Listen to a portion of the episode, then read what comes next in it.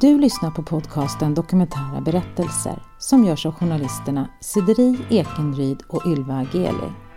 Är du nyfiken på den hela nya säsongen av Dokumentära berättelser?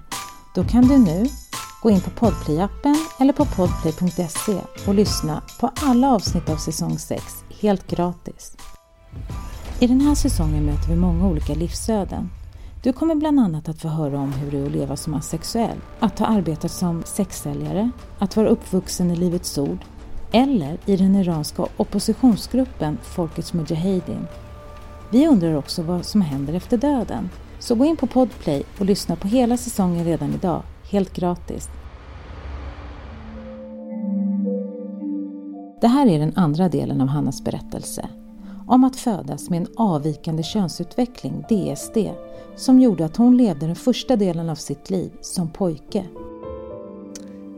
Och ganska snart så, så sa han liksom, då, han, då sa han, men du är ju som en kvinna, du är ju, du, du är ingen man, du, du är ju en kvinna. Ser du inte det? Känner du inte det? I det här avsnittet ska vi höra om hur det gick till när hon i vuxen ålder till slut blev Hanna istället för Henrik. Så det, det var ju mycket som hände och jag vet att när jag vaknade upp där på Karolinska så hade de gjort rosa ballonger och sköterskan sa Välkommen Hanna till ditt nya liv. För att få veta mer om DSD pratar vi även med Anna Nordenström, barnläkare och professor kring medfödda metabola sjukdomar vid Karolinska Universitetssjukhuset. Det här är ju eh, förstås stora och svåra frågor och eh, eh det är också därför vi tycker att eh, psykologen och det psykologiska omhändertagandet under hela uppväxten och eh, upp i vuxen ålder är så viktigt.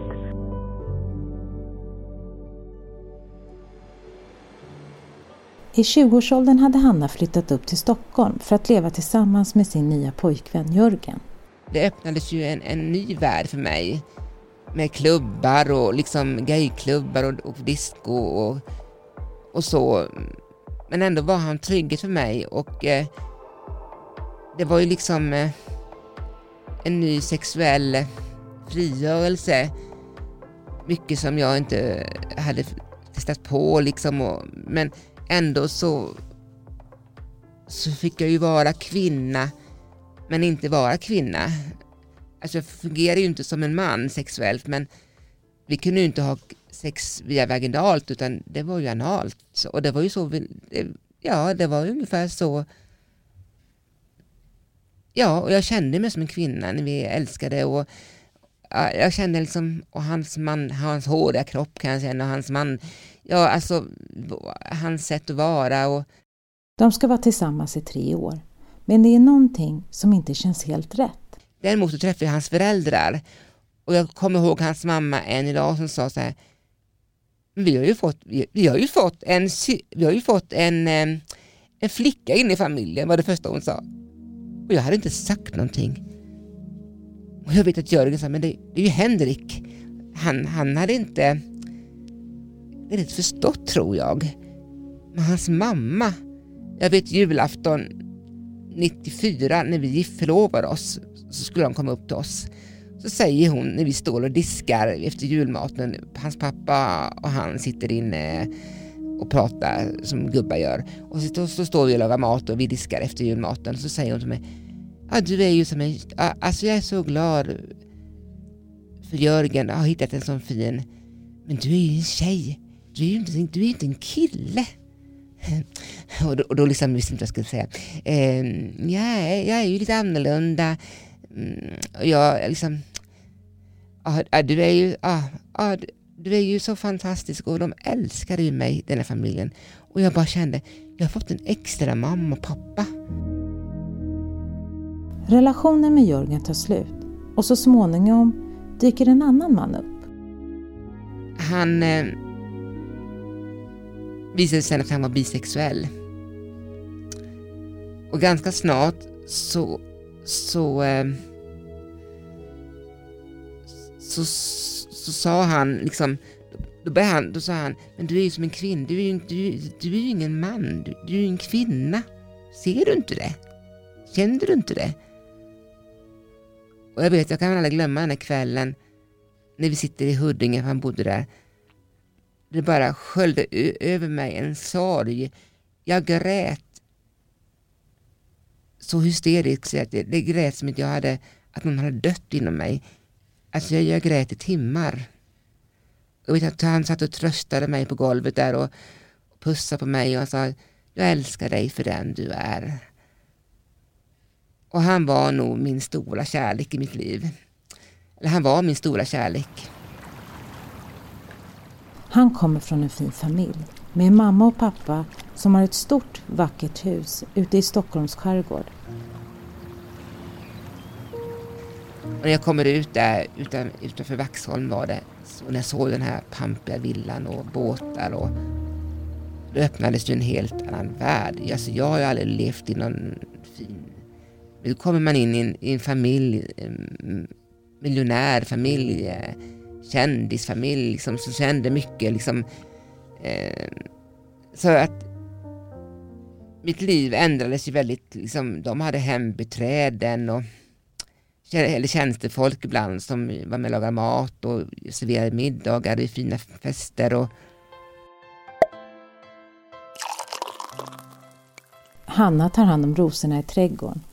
Familjen bjuder på rysk kaviar och champagne. Och snabbt får hon lära sig att man aldrig pratar om pengar eller hur mycket man har på kontot. Åren går och hon kommer allt närmare familjen. Vi hade en, en butik i stan, en klädaffär. Han jobbade där och jag jobbade på Danderyds sjukhus. Jag jobbade natt där på intensiven. Ehm, så att jag, jag, ehm, jag ehm, jobbade där och eh, hjälpte till i affären. Och jag tyckte det var jättekul att sälja kläder och, och, och liksom det var både kvinnor och män. Och, och där lärde jag känna kändisar, flera stycken. Ehm, för det var många människor som kom förbi där, för det var på Vasagatan mot LO-borgen. Så det var mycket människor som hade anknytning dit som kom och beställde jeans framför allt. Och många skådespelare. Och jag fick lära mig hur man skulle sälja och, rätt snart så blev jag en väldigt bra säljare. Och eh, ja, så det var jättekul att pynta och ja, det här med affären. Sen kommer vi in i någon kris där, där jag känner väl att jag längtar hem. Jag, innan jag träffade honom så hade jag en lägenhet i Haninge. Och eh, jag längtade liksom hem till min lägenhet. Och då bestämde vi att vi skulle vara särbo. Och jag tänkte väl att det här kommer vi fixa. Och då så eh, så ehm, flyttade jag tillbaka till Haninge och då är vi i eh, våren 2000. Och sen när jag ska fylla år, jag fyllde ju år i april, den 5 april, så skulle han komma och gratulera mig. Och så säger han till mig, jag vill göra slut. Hela min värld rasar samman. Den man som jag äntligen kände att jag klickade med som person, sexuellt. Och vi hade det ju så bra, också bra socialt, god ekonomi. Ja, allt var så bra. Som en följd av att hon har blivit lämnad försöker hon begå självmord. Jag vaknade upp då efter en vecka på intensiven. Jag fick en svår intoxikation så jag håller på att dö. När jag vaknar, vem sitter vid min sida? Jo, Thomas. Jag ser hans tårar, jag ser hans lena händer. Jag ser han stryker min kind. Så tänker jag sig, är jag himlen? Eller vad är jag? Jag ser liksom massor med apparater, massor med slangar och jag kan inte prata. Jag är ju intuberad. Och sen så, så förstår jag ju att jag har varit väldigt nära döden. Och han, när jag, när jag vaknar till och jag kan prata så kom också hans ilska. över att fattar du vad du har gjort? Fattar du att du, hur kan du göra mig så här illa att du ta livet av dig bara för min skull? Man gör inte så, fattar du? Och han var jättearg. Men jag gjorde ju det för att jag, jag ville ju inte, jag ville ju inte bli sviken. Jag älskar ju dig och han liksom tyckte jag var avskyvärd. Och det var liksom att hamna i ett svart hål. Hon läggs in på psykiatrin, på en viss avdelning specifikt för vårdpersonal. Det är höst när hon läggs in och åtta månader senare, på sommaren, kommer hon ut igen. Jag kommer till vägs ände, att jag kan inte leva så här längre.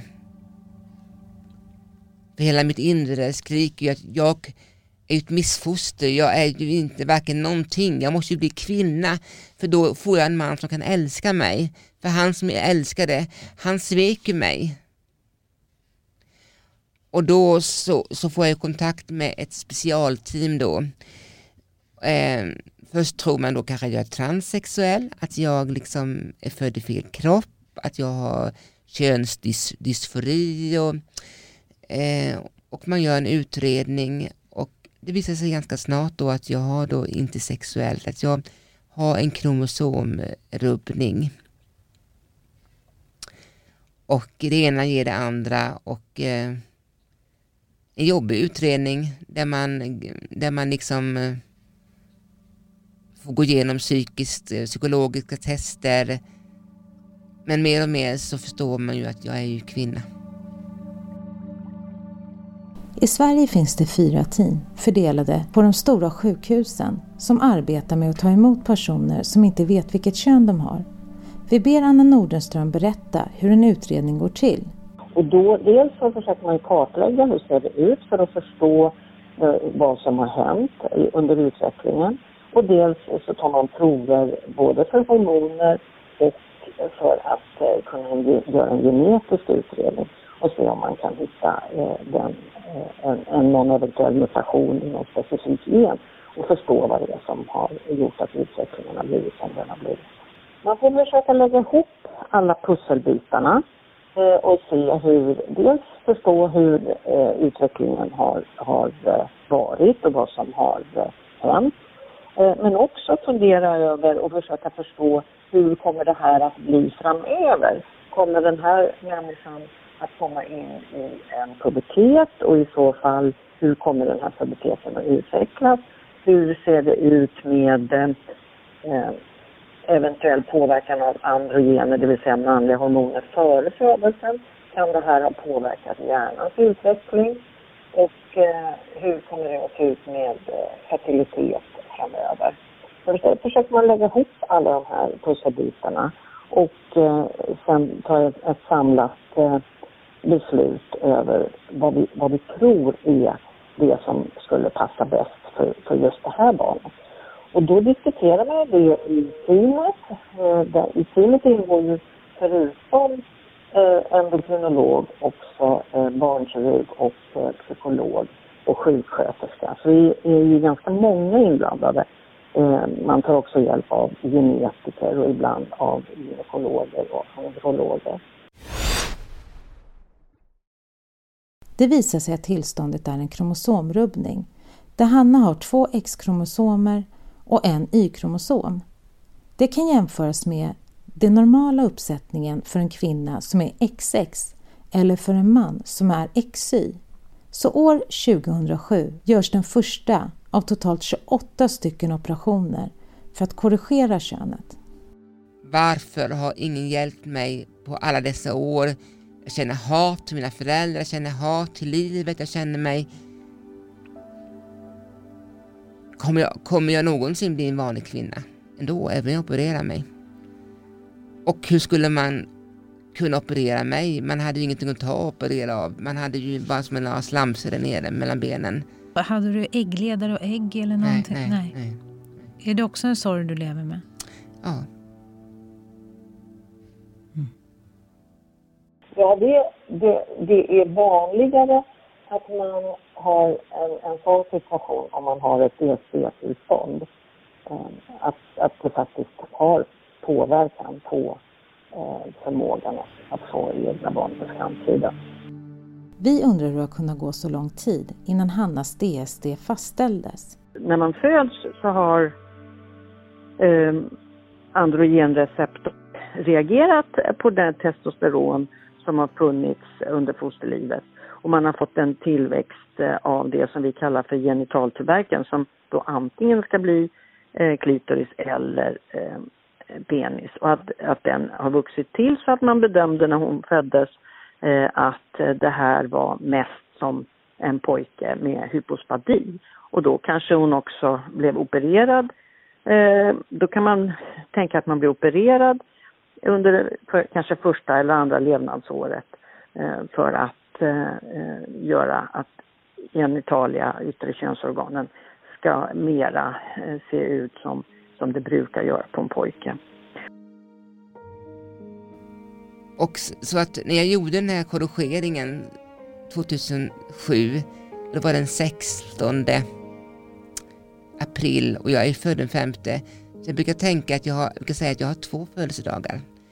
Det var då jag kan känna att jag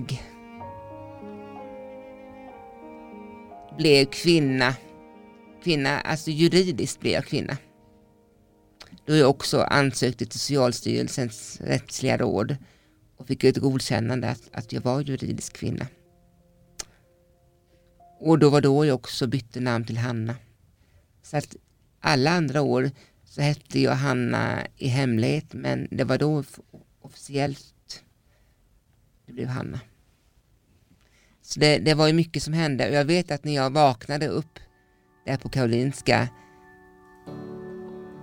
så hade de gjort rosa ballonger och sköterskan sa Välkommen Hanna till ditt nya liv. Och jag vet också att de hade opererat in, jag hade ju bröst men jag ville ha större bröstimplantat. Och så kände jag att, och första var jag kände på mina bröst, jag kände men jag har ändå med, för jag hade små bröst som inte, jag ville ha större. Jag hade rätt att få det.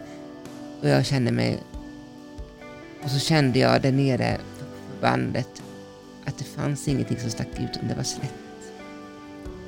Och jag vet efter några dagar när jag skulle ta bort förbandet och jag skulle se hur det såg ut så vet jag att jag hade bett en väninna köpa med sig en, en sån här spegel som man kunde se sig själv för jag ville ju se hur det såg ut.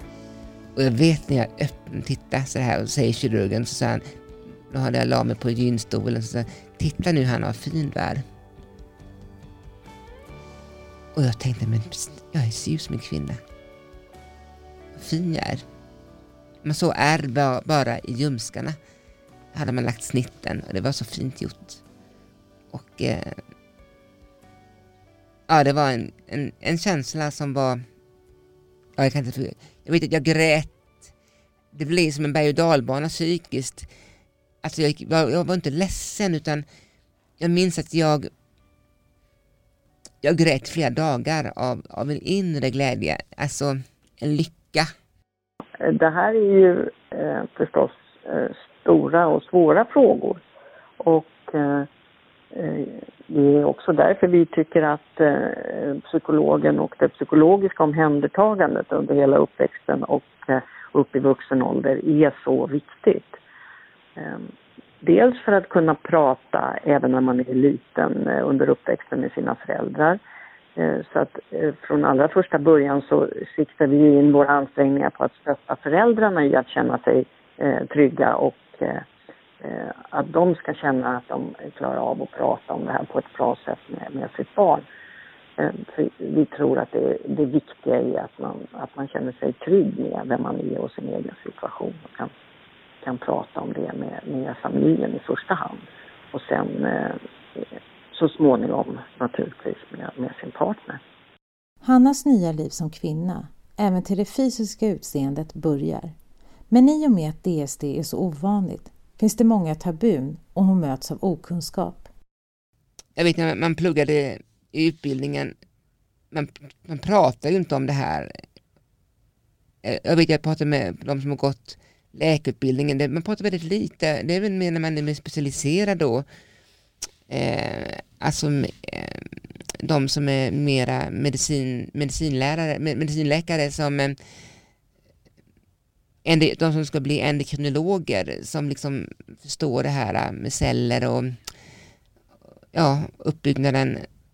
Men många vet inte om vad det här är. Och det, det förvånar mig idag att, att 2021 så är det väldigt folk, få folk, människor som, som förstår och även om man berättar så kan de tycka, men du är ju ingen vanlig kvinna ändå.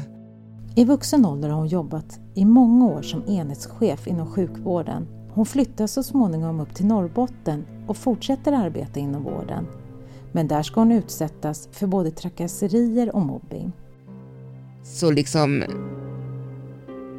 får man, får man försvara sig, söker tjänster och det snackas skit, det pratas om en och och detta landet är inte så stort och det pratas och ja. Och sen så blir det värre och värre och så fick jag dataintrång tyvärr på Sunderby sjukhus. Och, eh, och det snackas och snackas och snackas. Vad var det för dataintrång? Jag vet, man gick in i mina journalhandlingar. De gick in i dina journalhandlingar mm. för att se vad du hade för ja, kön? Ja, eller hur? ja, för att folk snackade, för det pratade. Det var någon av läkarna som hade kontaktat någon annan. Vet, ja. Och det här polisanmäldes, men det var nedlagt. Och då var man obekväm och jag har bestämt mig. Jag var liten så var jag väldigt tyst av mig. Men jag har också lärt mig sen jag blivit äldre att mig trampar man inte på. Jag är väldigt snäll som människa men jag är också väldigt bestämd. Jag är väldigt noga med min integritet och när man trampar på den och man gör mig sårad, när man förlöjligar mig, när man liksom inte förstår och när man inte tar åt sig utan när man dömer av okunskap och när man liksom behandlar en som om man vore idiot eller mindervärd. Vet, jag klarar inte det och då blir jag ganska och då, och då blir jag ju obekväm. Och det vart jag ju, att jag blev ju väldigt illa behandlad och eh, väldigt mobbad. Och eh, det ena gav det andra så att jag har haft det väldigt svårt i mitt arbetsliv. Jag har aldrig haft det innan i mitt liv. Hur såg mobbingen ut? Eh, det var ju så här att eh, eh, tystnad, pratades mycket om mig, eh, när jag kom till omklädningsrummet en, en dag så, så var det klistrat eh, massa provrör. Eh, eh, du kanske ska kolla om du, om du, om du, om du, eh, om du är feldiagnoserad eller har du någon smitta eller här, här, upp, här, här i detta omklädningsrummet klär bara kvinnor om, inte, inte omgjorda kvinnor. Um, ja. Vad skulle behöva förändras inom vården för att en sån historia som Hannas inte ska behöva upplevas av någon annan? Anna Nordenström igen. Man behöver ha mera, mera resurser för, för att ta hand om, om de här situationerna. Eh, för det är ju sannolikt så att om man får ett bra omhändertagande och ett bra stöd från början så är det betydligt lättare att hantera de svårigheter eh, som uppkommer längs med vägen när man växer upp. Och ibland kan jag känna att de som är homosexuella är mer accepterade och vi som har det här, vi är, vi är ändå konstigt för vi är, detta är ju ingen sexuell läggning. Och det har jag också fått kämpa också även i kyrkans värld att detta är ju ingen sexuell läggning. Detta är ju en medicinsk åkomma. Det har ju blivit fel. Hanna blir alltså illa behandlad av arbetskamrater men i sitt privatliv träffar hon en man, Magnus. De gifter sig och det ska dröja hela två år innan hon berättar om sin historia för honom. Och när jag fick förklara mitt liv och när jag förklarade liksom anatomiskt och när jag gick in på sidor och jag, jag, jag berättade om operationer och, och, så förstod ju han att människor kan ju och det kunde jag ju inte för. Och han älskar ju faktiskt mig han såg ju mig som kvinna. Han sa, ja, jag fattade ju inte att du inte var kvinna för du, du är ju kvinna. Det har gått ett halvt liv sedan hon, då som pojken Henrik, stod ute på åkrarna i Småland och lekte präst framför korna. Idag som Hanna, med en karriär som operationssköterska och enhetschef, funderar hon på om hon inte redan då i barndomen hade funnit sitt kall. Tycker om när jag ser, när jag lyfter mina, lyfter mina kollegor, när jag gör det gör bra för mina brukare, stå upp för dem som ingen annan ser. Och sen har jag också känt en kallelse att bli diakon och jag har nu också suttit in på skolan, att diakonutbildningen. Och nu så känner jag mer och mer den här inre kallelsen att få bli diakon, att bli, bli den här pastorala, fast den här, den här med grön skjorta, presskragen, som är ute bland medmänniskorna, som får vara den där slumsystern, som får vara, besöka den som ingen ser. Att kanske ha grupper, samtalsgrupper för, för hbtq-personer eller, eller, eller vi som då är födda så här eller, eller olika samtalsgrupper om livet och, eller ja, att finnas med, att stötta och också tjäna i gudstjänstlivet också att få predika att Gud är kärleken och han älskar oss alla människor och att vi, vi, vi föds med olika åkommor. En del föds med utan armar, en del föds med insulin och jag föddes med fel kön. Och ibland har man inte svar på allting brukar jag säga utan det får vi kanske reda på en gång i himlen brukar jag säga.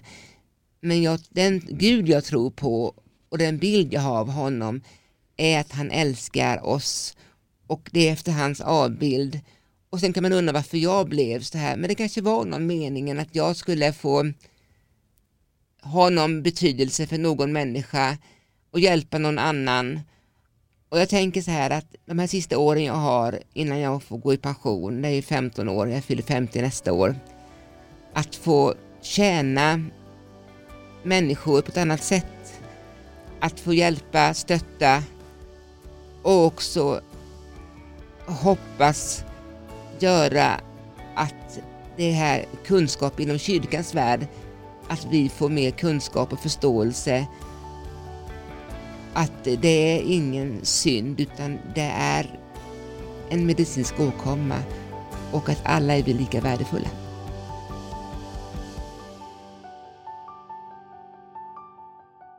Du har lyssnat på avsnitten om DSD.